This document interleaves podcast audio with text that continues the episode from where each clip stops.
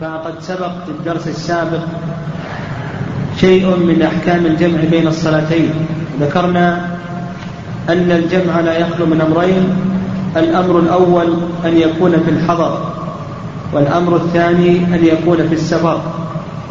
وتطرقنا إلى الجمع في الحضر هل هو معدود أو محدود مضبوط بضابط؟ العذر بالجمع في الحضر هل هو معدود أو محدود؟ وأشرنا إلى أن جمهور أهل العلم رحمهم الله على أنه معدود وأن هناك أعذارا يجمع بسببها وهناك أعذار لا يجمع بسببها. ثم بعد ذلك تطرقنا لشروط الجمع إذا أراد أن يجمع في الأولى.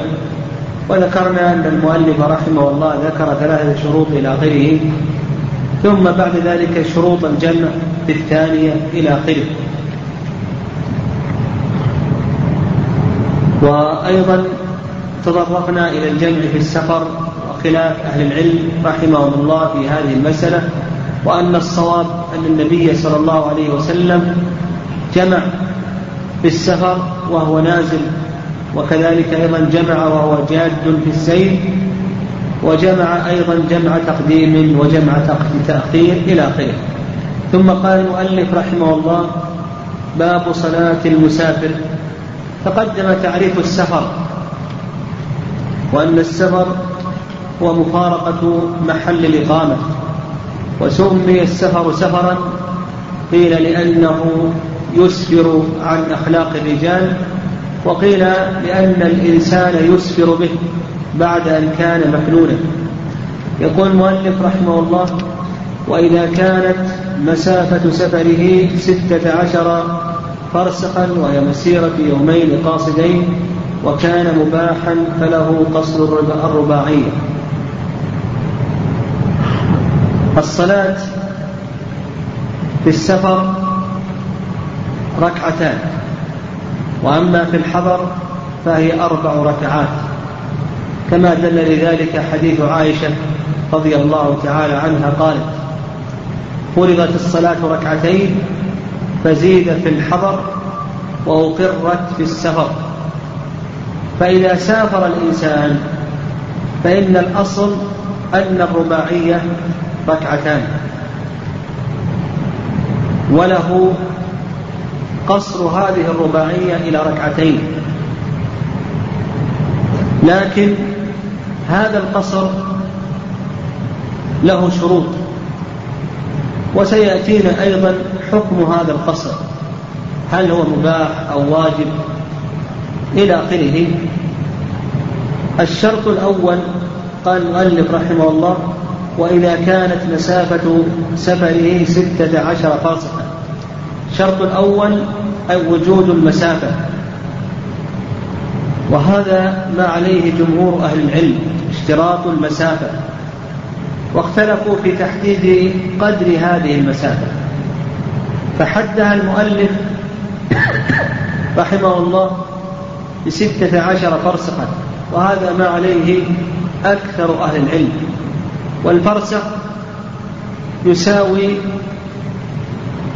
ثلاثة أميال فتكون المسافة ثمانية وأربعين ميلا.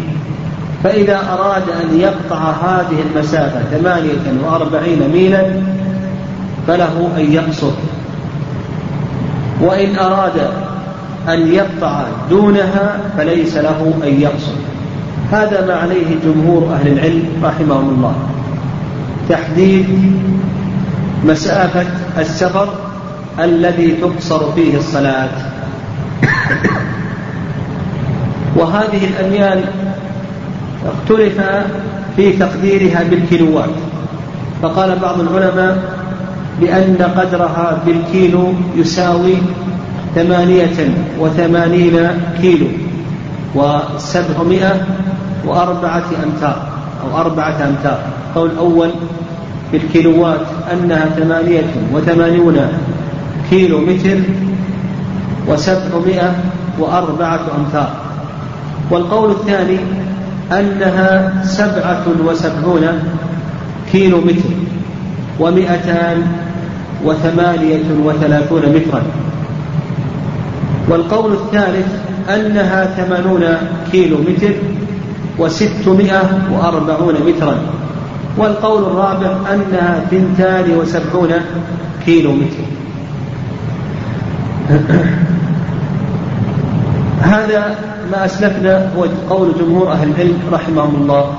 واستدلوا على ذلك بحديث ابن عباس. أن النبي صلى الله عليه وسلم قال يا أهل مكة لا تقصروا فيما دون أربعة برد. والبريد الواحد يساوي أربعة فراسخ. فأربعة برد تساوي ستة عشر فرسخا استدلوا بهذا الحديث. يا أهل مكة لا تقصروا فيما دون أربعة برد. وهذا الحديث أخرجه الدار قطني وغيره وهو ضعيف لا يثبت عن النبي صلى الله عليه وسلم. وقالوا أيضا بأن هذا هو الوارد. عن ابن عمر وابن عباس رضي الله تعالى عنهما. وهذا الوارد عن ابن عمر وابن عباس رضي الله تعالى عنهما لا حجة فيه لأن الوارد عن ابن عمر وابن عباس مختلف كثير جدا. فقد ورد عنهما القصر ورد عن ابن عمر رضي الله تعالى عنه القصر في ستة وسبعين ميلا وورد عنه أيضا القصر في ميل واحد وورد عنه القصر في اثنتين وسبعين ميلا. وورد عنه أيضا في ثلاثين ميلا. فالآثار الواردة عن ابن عباس وابن عمر رضي الله تعالى عنهما مختلفة وحينئذ يرجع إلى ظاهر القرآن. الرأي الثاني في هذه المسألة أن مسافة القصر ليست محددة شرعا وإنما هي محددة عرفا. وهذا اختيار شيخ الإسلام تيمية رحمه الله. فما دل العرف على أنه سفر تقصر فيه الصلاة. وما لم يدل العرف على أنه سفر فإنه لا تقصر فيه الصلاة. هذا اختيار شيخ الإسلام تيمية رحمه الله. واستدل على ذلك بأن الأدلة وردت مطلقة في القرآن والسنة ولم ترد مقيدة بمسافة محددة. وقال شيخ الإسلام تيمية رحمه الله بأن المسافة القصيرة في الزمن الطويل سفر بدليل خروج أهل مكة من مكة إلى عرفات وجمعهم مع النبي صلى الله عليه وسلم فإنهم جمعوا مع النبي صلى الله عليه وسلم وقصروا قصروا الصلاة مع النبي عليه الصلاة والسلام. فهم خرجوا من مكة إلى عرفات والمسافة قصيرة بين مكة وعرفات ومزدلفة ولم يرد أن النبي صلى الله عليه وسلم أمرهم بالإتمام. لكن كما قال شيخ الإسلام تيمية رحمه الله المسافة القصيرة في الزمن الطويل سفر. وعلى هذا تكون هذه المسألة على كلام الشيخ رحمه الله لها أربع حالات. الحالة الأولى الحالة الأولى أن تكون المسافة طويلة والزمن طويلا فهذا سفر لا إشكال في ذلك. الحالة الأولى أن يكون تكون المسافة طويلة والسفر طويلا الزمن طويلا فهذا سفر لا إشكال في ذلك. مثال ذلك لو خرج إنسان إلى مكة أو إلى المدينة ونوى أن يقيم يومين أو ثلاثة أيام إلى آخره فنقول بأن هذا سفر القسم الثاني عكس القسم السابق. أن تكون المسافة قصيرة والزمن قصيرا فهذا ليس سفرا. مثال ذلك كما لو خرج لمسافة ثلاثين كيلو أربعين كيلو إلى آخره ثم رجع ثم رجع في يومه. فإنه لا يعتبر هذا سفرا وحينئذ لا يترخص. القسم الثالث القسم الثالث أن تكون المسافة طويلة والزمن قصيرا. أن تكون المسافة طويلة والزمن قصيرا. وذلك كما لو خرج من بيته مسافة 80 كيلو 100 كيلو إلى آخره ثم رجع في نفس اليوم. فهذا ليس سفرا عرفا إلا إن دل العرف على أنه سفر. فإذا دل العرف على أنه سفر وتعارف الناس على أنه سفر فإنه يترخص. فنقول في القسم الثالث إذا كانت المسافة طويلة والزمن قصيرا نقول هذا ليس سفرا إلا إن دل العرف. فمثلا لو خرج إلى الرياض ثم رجع في نفس اليوم فعرف الناس على أنه سفر. لكن لو كان يعمل موظفا في بلد يقطعه بسبعين كيلو أو ثمانين أو مئة إلى آخره ويرجع في نفس اليوم فالناس لا يعتبرون هذا مسافرا والقصر من خصائص السفر فلا فليس له أن يقصر. إلا كما أسلفت إذا دل العرف كما لو خرج مثلا إلى الرياض ثم رجع في نفس اليوم فعرف الناس على أنه سفر. القسم الثالث أو الرابع القسم الرابع أن تكون المسافة قصيرة والزمن طويلا فهذا يأخذ حكم حكم السفر. وذلك كما لو خرج أربعين كيلو خمسين كيلو إلى آخره ولم يرجع في نفس اليوم. جلس. ولم يرجع في نفس اليوم فهذا حكمه حكم المسافر ويأخذ أحكام السفر والدليل على ذلك ما أسلفنا أن أهل مكة خرجوا من مكة إلى عرفات ومع ذلك قصروا الصلاة ولم يأمرهم النبي صلى الله عليه وسلم بإتمام الصلاة. قال شيخ الإسلام تيمية رحمه الله إذا لم يرجع إلى أهله في ليلته فهذا حكمه حكم السفر. كما قلنا في الحالة الرابعة إذا كانت المسافة قصيرة إذا كانت المسافة قصيرة والزمن طويلا فهذا يأخذ حكم السفر. تحديد المسافة كما ذهب إليه المؤلف رحمه الله قلنا هذا قول جمهور أهل العلم يعني هو مذهب الحنابلة والمالكية والشافعية إلا الحنفية فالحنفية يزيدون على ذلك يقولون بدلا من من أن تكون ستة عشر فرسخا المسافة تساوي أربعة وعشرين فرسخا. فيزيدون في ذلك الثلث. أربعة يزيدون في ذلك آآ آآ ثلث المسافة. يزيدون في ذلك ثلث المسافة. ف يزيدون في ذلك ثلث المسافة ويقولون بدلا من أن تكون يومين. مسافة كما قال المؤلف وهي مسيرة يومين قاصدين يقولون مساء المسافة التي تقطع المسافة التي يقصر فيها الصلاة مسيرة ثلاثة أيام. فيزيدون أربعة وعشرين ميلا. يزيدون أربعة وعشرين ميلا. فمسافة القصر تساوي ثمانية وأربعين ميلا عند جمهور أهل العلم. الحنفية يزيدون أربعة وعشرين ميلا.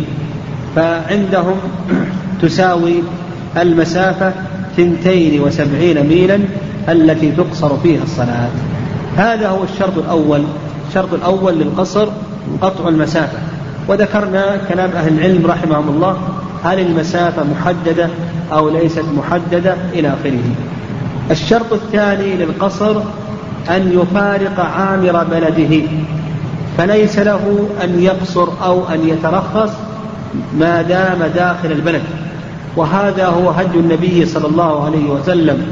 فلم يحفظ عن النبي عليه الصلاة والسلام أنه ترخص داخل المدينة.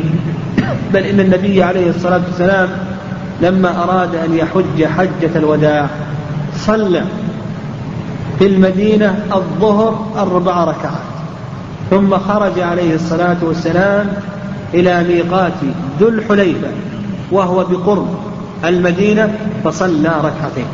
فلما خرج النبي صلى الله عليه وسلم خارج المدينة ترخص عليه الصلاة والسلام.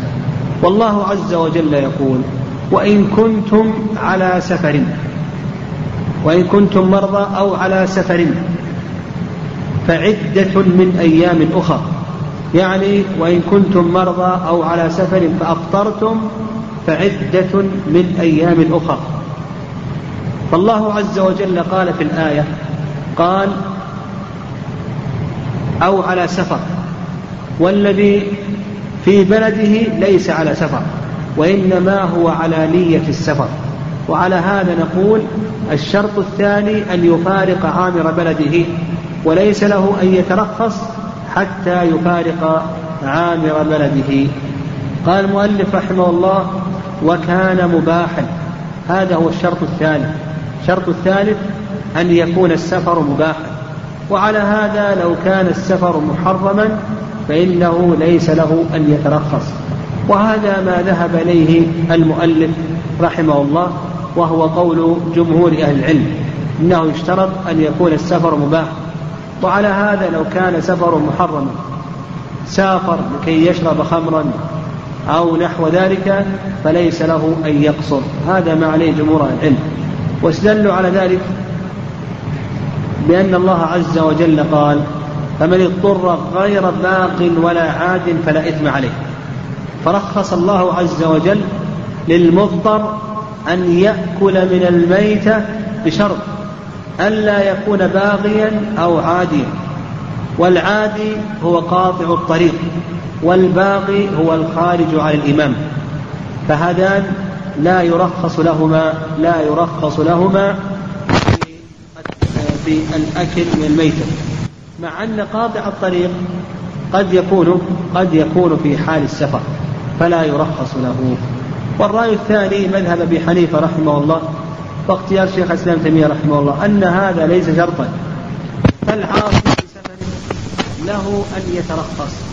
فلو سافر لأجل معصية من المعاصي له أن يقصر الصلاة الرباعية وله أن يجمع. الإسلام تيمية رحمه الله عن قوله سبحانه وتعالى فمن اضطر غير باق ولا عاد فلا إثم عليه أجابوا عن ذلك بأن أو أجاب الشيخ الإسلام تيمية رحمه الله عن ذلك بأن معنى الآية غير باق ولا عاد الباغي هو الذي يبغي الحرام مع قدرته على الحلال والعادي هو الذي يأكل أكثر من حاجته. قال المؤلف رحمه الله نعم هذان ثلاث شروط. هذان ثلاثة شروط. الشرط الأول المسافة والشرط الثاني أن يفارق عامر بلده والشرط الثالث أن يكون السفر أن يكون السفر مباحا. فإذا توفرت هذه الشروط آه، آه، فله أن يقصر الرباعية. وهناك أيضا ذكروا شروطا أخرى لكن لا يقوم عليه هذا دليل. قال فله قصر الرباعية خاصة. فقول المؤلف رحمه الله خاصة يعني أن القصر خاص بالرباعية الظهر والعشاء والعصر. وأما بالنسبة للمغرب والفجر فإنهما لا تقصران. المغرب والفجر لا تقصران. أما الفجر فلا تقصر لأن لأنها هي ركعتان وقصرها إجحاف بها الفجر. الفجر هي ركعتان وقصرها إجحاف بها. وأما المغرب فلا تقصر فلأنها وتر النهار. يعني لا تقصر لأنها وتر النهار. فلو أنها قصرت ركعة وأصبحت ركعتين إلى آخره لم تكن وترا.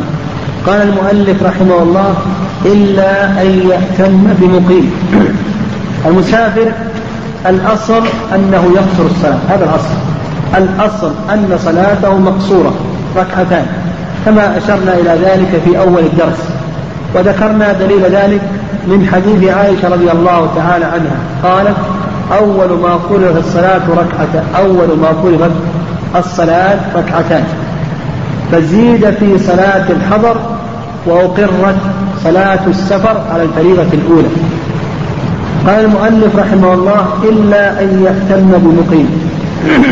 يعني إذا اهتم بمقيم فإنه لا يقصر الرباعية.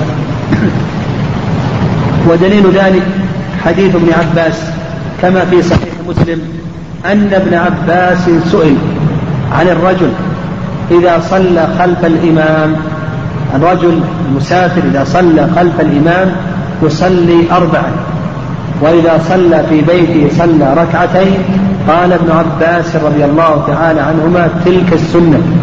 وأيضا ورد ثبت ذلك عن ابن عمر رضي الله تعالى عنهما بإسناد صحيح أنه إذا صلى مع الإمام صلى أربع ركعات فإذا لم يصلي صلى ركعتين. فنقول إذا أتم بمقيم فإنه يصلي أربع ركعات يصلي الرباعية أربع ركعات. وظاهر كلام المؤلف رحمه الله أنه إذا أتم بمقيم مطلقا حتى ولو أدرك التشهد الأخير. يعني لو جئت في التشهد الأخير والإمام في صلاة العشاء وهو مقيم وأنت مسافر فأدركت معه التشهد الأخير فإنك تصلي أربع ركعات. هذا ظاهر كلام المؤلف رحمه الله وهو المشهور من مذهب الإمام أحمد. يعني سواء أدرك ركعة أو أدرك أقل من ركعة فإنه إذا اهتم بمقيم فإنه يصلي أربع. والرأي الثاني رأي الإمام مالك رحمه الله. الرأي الثاني رأي الإمام مالك رحمه الله تعالى وهو أن المقيم أن المسافر إن أدرك من صلاة المقيم ركعة صلى أربعة وإن أدرك أقل من ركعة صلى ركعتين. وهذا القول هو الصواب لأنه إذا أدرك من صلاة المقيم ركعة يكون قد أدرك صلاته فيتابعه ويصلي مثله أربع ركعات. وفي حديث أبي هريرة في الصحيحين أن النبي صلى الله عليه وسلم قال من أدرك ركعة من الصلاة فقد أدرك الصلاة. وأما إن أدرك أقل من ركعة جاء والإمام قد نهض من الركوع في الركعة الأخيرة فإن المسافر يصلي ركعتين لأنه لم يدرك صلاة المقيم ولم يدرك الجماعة. ما ذهب إليه المالكية رحمهم الله هو الصواب في هذه المسألة.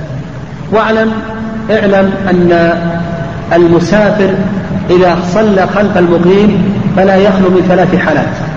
لا يخلو من ثلاث حالات. يعني إذا صلى رباعية خلف المقيم صلى رباعية تقصر خلف المقيم لا يخلو ذلك من ثلاث حالات. الحالة الأولى أن يصلي رباعية خلف ثنائية. فنقول بأنه يقصر الصلاة. مثل لو جاء والإمام يصلي التراويح التراويح ركعتان وهو لم يصلي العشاء. فنقول ادخل معه في صلاة العشاء وصل ركعتين. فإذا صلى رباعية خلف ثنائية فإنه يصلي ركعتين. الحالة الثانية الحالة الثانية أن يصلي رباعية خلف رباعية. مثل لو صلى العشاء خلف العشاء أو صلى العصر خلف العشاء أو الظهر خلف العشاء أو الظهر خلف الظهر إلى آخره فهذا نقول يصلي أربعا لكن بشرط ماذا؟ أن يدرك أن يدرك من صلاته ركعة فأكثر. أدرك ركعة ركعتين أربعة ثلاثا إلى آخره فهنا يصلي أربع ركعات. فنقول الحالة الثانية أن يصلي رباعية خلف رباعية فنقول بأنه يصلي أربع ركعات بشرط أن يدرك ركعة. فإن أدرك أقل من ركعة فإنه يصلي ركعتين. الحالة الثالثة أن يصلي رباعية خلف ثلاثية. كما لو صلى العشاء خلف المغرب. صلى هو المغرب. ثم جاءت جماعة وصلت المغرب وهو يريد أن يصلي العشاء. هنا الآن يريد أن يصلي العشاء رباعية خلف من يصلي المغرب وهي ثلاثية. فهل يقصر أو يتم؟ فنقول بأنه بالخيار. إن شاء قصر وإن شاء تم وإن كان الإتمام أحوط. يقول أنت بالخيار. وعلى هذا إن صلى رباعية خلف رباعية صلى أربعا رباعية خلف ثنائية صلى ثنتين رباعية خلف ثلاثية هو بالخيار. إن شاء أن يصلي أربعا وإن شاء أن يصلي اثنتين. شاء أن يقصر وإن شاء أن يتم. قال أو لم ينوي القصر. أو لم ينوي القصر. يعني لو أن الإنسان آه، لم ينوي القصر. شرع في الصلاة في السفر وهو لم ينوي القصر. فيقول المؤلف رحمه الله بأنه يتم. وهذا بناء وهذا بناء على اشتراط نية القصر. فالمشهور من مذهب الحنابلة رحمه الله. أنهم يشترطون لكي يقصر الإنسان في السفر أن ينوي القصر عند الإحرام بالصلاة.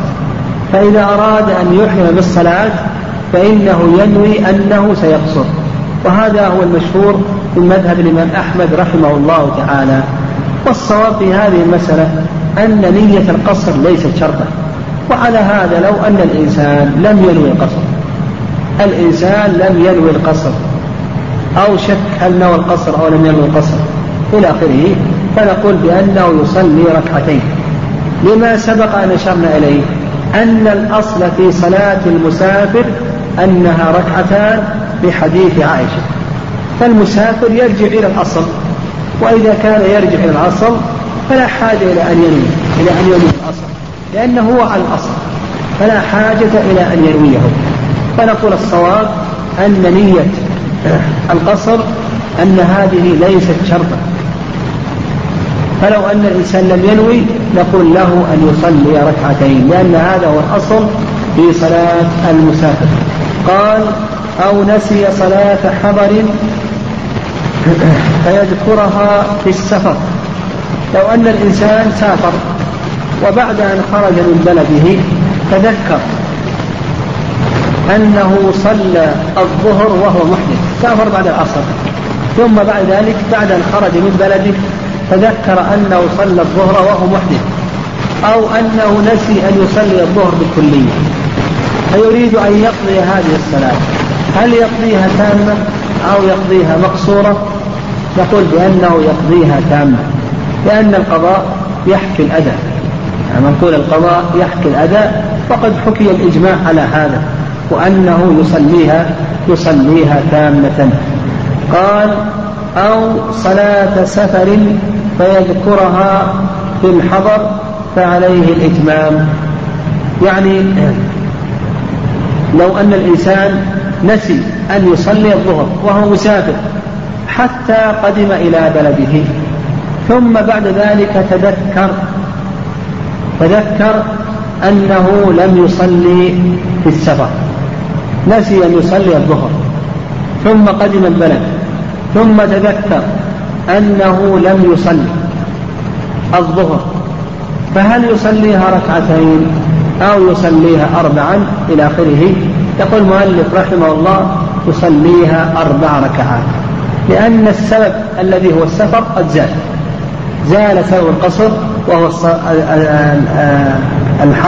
السفر فيجب عليه أن يصلي أربع ركعات. قال وللمسافر أن يتم والقصر أفضل.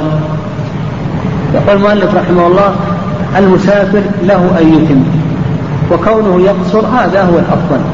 وهذا قول جمهور أهل العلم يعني أن القصر ليس واجبا. فإن شاء المسافر أن يقصر قصر وإن شاء المسافر أن يتم أتم القصر ليس واجبا. وهذا قول جمهور أهل العلم رحمهم الله تعالى. والرأي الثاني رأي أبي حنيفة رحمه الله أن القصر واجب وأن الإنسان إذا آه لم يقصر في السفر فإنه يأثم وتوسط شيخ الإسلام تيمية رحمه الله بين القولين فقال بأن القصر هو الأفضل وهو السنة والإتمام مكروه. كون الإنسان يتم الصلاة في السفر قالوا بأن هذا مكروه. ولكل منهم دليل. أما بالنسبة للجمهور قالوا بأن القصر ليس ليس واجبا.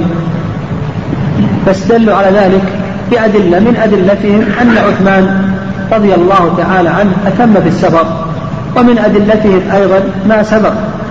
أن المقيم أن المسافر إذا اهتم بالمقيم في الرباعية فإنه يتم فإنه يتم. وأما بالنسبة للجمهور فأما بالنسبة للحنفية فقالوا بأن القصر واجب قالوا هذا هو هدي النبي صلى الله عليه وسلم. كما ذكر أنس أن النبي صلى الله عليه وسلم خرج من المدينة في حجة الوداع حتى رجع حتى رجع إلى المدينة من مكة ولم يزل النبي صلى الله عليه وسلم يصلي ركعتين ركعتين. ولم يحفظ عن النبي صلى الله عليه وسلم. في حديث صحيح أنه أتم الصلاة. وقد قال عليه الصلاة والسلام صلوا كما رأيتموني كما رأيتموني أصلي.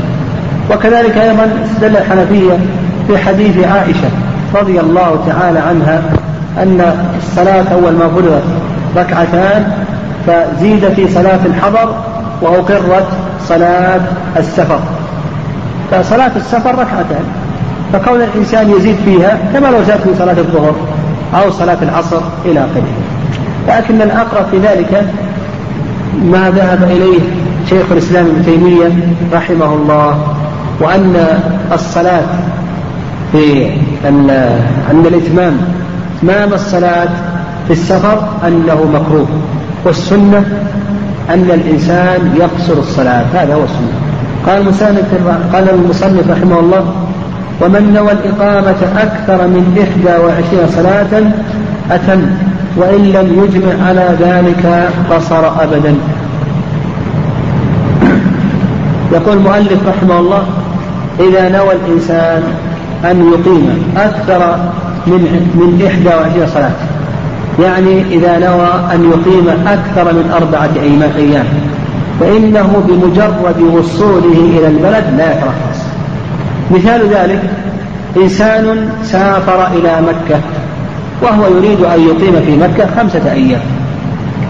نقول ما دام أنه يريد خمسة أيام بمجرد وصوله إلى مكة خرج عن حكم السفر فلا يترخص لا يجمع ولا يقصر. يريد أن يقيم أسبوعا. لا يترخص لا يجمع ولا يقصر. بمجرد وصوله إلى البلد خرج من حكم السفر.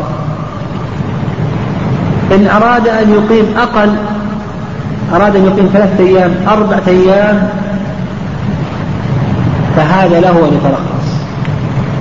المشهور من المذهب وهو أيضا قول الشافعية والمالكية أنهم يحدون مدة السفر بأربعة أيام.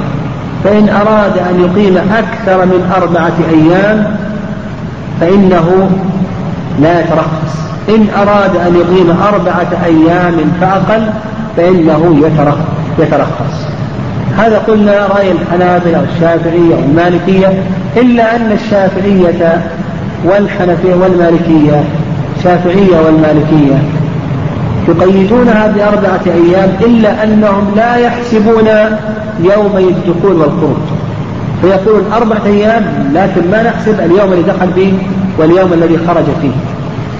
فإذا أضفت أربعة أيام مع يومي الدخول والخروج أصبحت الأيام عند المالكية والشافعية ستة أيام. عند الحنفية يقيدونها بأكثر من خمسة عشر يوما. قالوا هذا الوارد عن ابن عباس رضي الله تعالى عنهما ابن عمر. فإذا أراد الإنسان أن يقيم أكثر من خمسة عشر يوما فإنه لا يترخص. إن أراد أن يقيم أقل من خمسة عشر يوما أو خمسة عشر يوما فإنه يترخص. هذا المشهور من مذهب أبي حنيفة رحمه الله تعالى. هذان رأيان ولكل منهما دليل. أما أهل الرأي الأول الذين قيدوه بأربعة أيام فقالوا بأن النبي صلى الله عليه وسلم قدم مكة من المدينة في حجة الوداع في اليوم الرابع وجلس يترخص الرابع والخامس والسادس والسابع في اليوم الثامن خرج في اليوم الثامن خرج من مكة إلى أين؟ إلى منى وقدم في صبح اليوم الرابع. جلس الرابع والخامس والسادس والسابع. في صبح اليوم الثامن خرج النبي عليه الصلاة والسلام إلى منى. فقال وقام النبي عليه الصلاة والسلام بمكة في حجة الوداع أربعة أيام يترخص.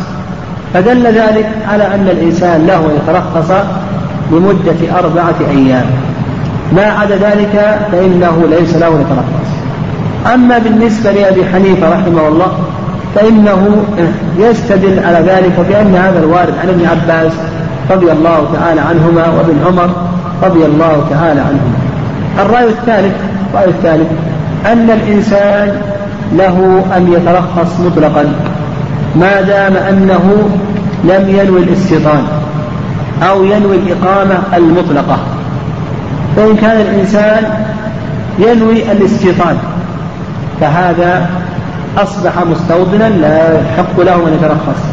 إن نوى الإقامة المطلقة التي ليست مقيدة بعمل وليست مقيدة بزمن إقامة مطلقة لا تقيد بعمل ولا زمن. لا يقول أنا بجلس شهر أو شهرين ثم أرجع إلى آخره. فهذا ليس له أن يترخص. الرأي الثاني ثالث أن الإنسان له أن يترخص ما لم ينوي الاستيطان أو الإقامة المطلقة. وهذا ما ذهب إليه شيخ الإسلام تيمية رحمه الله. وأيضا أخذ به من المتأخرين الشيخ عبد الرحمن السعدي والشيخ عبد الله بن الشيخ محمد بن عبد الوهاب وغيرهم من أهل العلم. فقالوا بأن الإنسان له يترخص ما دام أنه لم ينوي الاستيطان أو أو ينوي الإقامة المطلقة. واستدلوا على ذلك بأن النبي صلى الله عليه وسلم أقام بمكة في عام الفتح تسعة عشر يوما. وكان النبي عليه الصلاة والسلام يترخص فيها. وكذلك أيضا في حجة الوداع قام النبي صلى الله عليه وسلم عشرة أيام ترخص كذلك أيضا في فتح تبوك في تبوك. قام النبي عليه الصلاة والسلام عشرين يوما. قالوا بأنه يترخص. وكذلك أيضا قالوا بأن هذا هو الوارد عن الصحابة رضي الله تعالى عنهم. فابن عمر أقام بأذربيجان ستة أشهر. هذا كما في السنة الكبرى للبيهقي صححه النووي. كذلك أيضا عبد الرحمن بن سمرة أقام سنتين في بعض في بلاد فارس يقصر الصلاة وهذا أخرجه عبد الرزاق إلى آخره. فاستدلوا بهذه الأدلة. والأقرب في ذلك أن يقال الأقرب في ذلك أن يقال لأن الإنسان له أن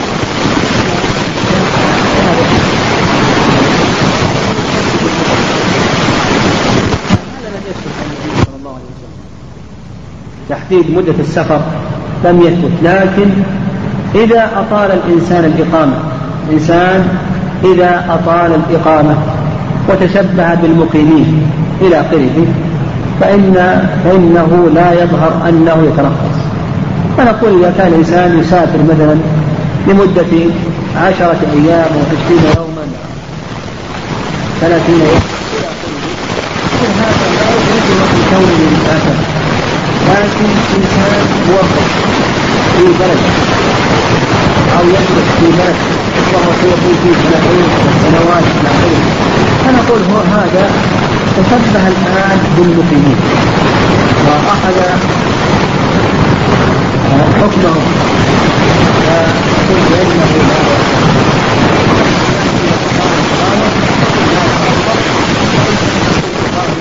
فإنما سفره عارف فنقول بأنه له هذا هو وأما ما استدل به حنابلة أن النبي عليه الصلاة والسلام دخل مكة في اليوم الرابع خرج في اليوم الثامن. فنقول بأن هذا لا يدل على لأن مثل هذا وقع من النبي صلى الله عليه وسلم اتفاقا. ولم يكن قصدا. والقاعدة أن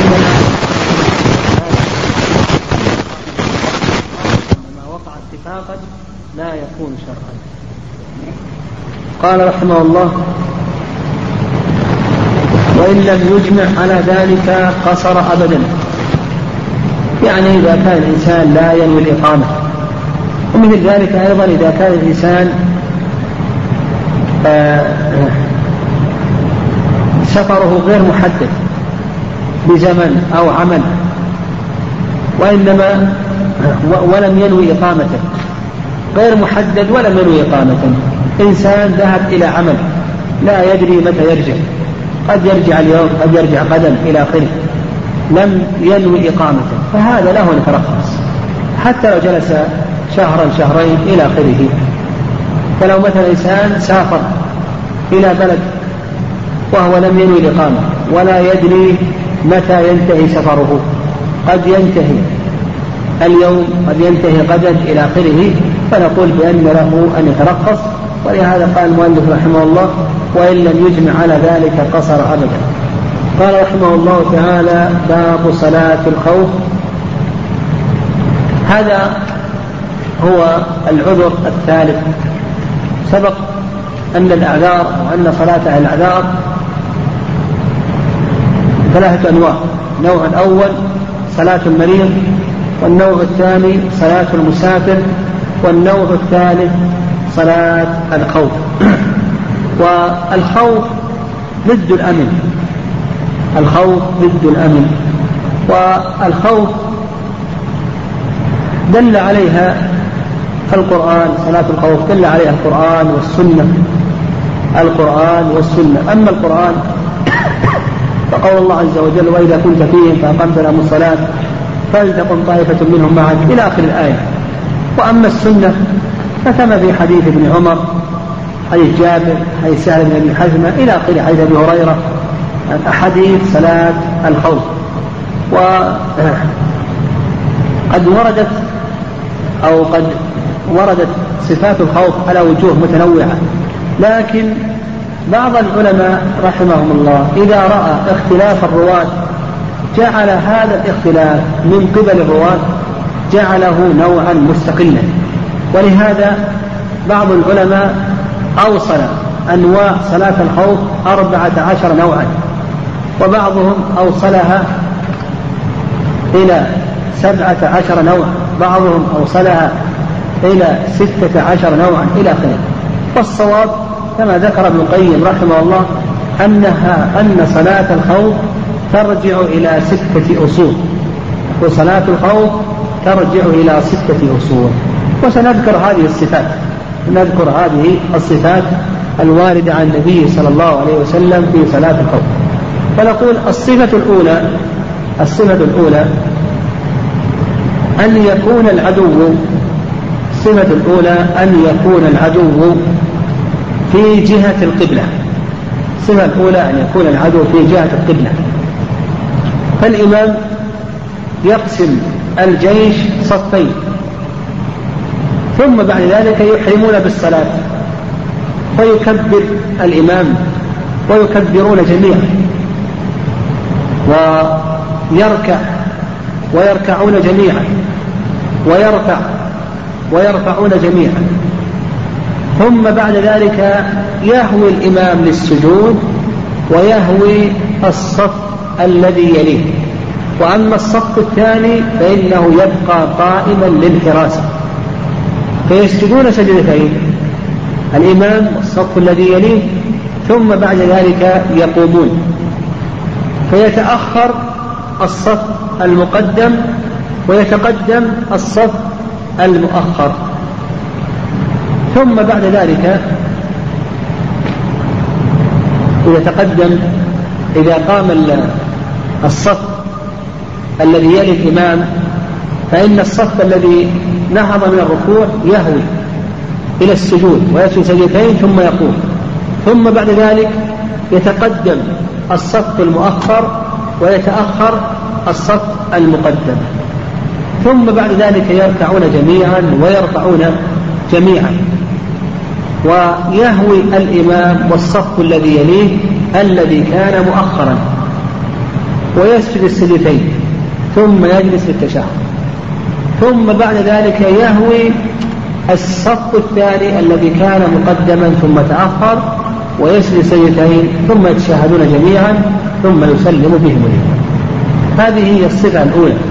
الصفة الأولى من صفات صلاة صلاة الخوف. الصفة الثانية أن يكون العدو في غير جهة القبلة. أن يكون العدو في غير جهة القبلة. فهنا يقسمهم الإمام إلى قسمين. قسم